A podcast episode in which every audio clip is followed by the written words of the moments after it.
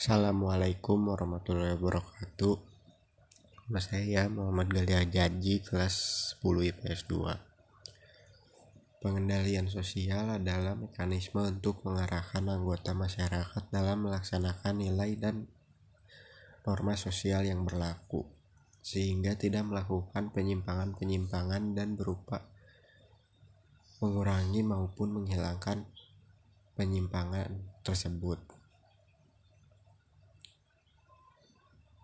Beberapa ahli sosiologi mengemukakan pengertian pengendalian sosial. Menurut Peter L. Berger, pengendalian sosial adalah berbagai cara yang dilakukan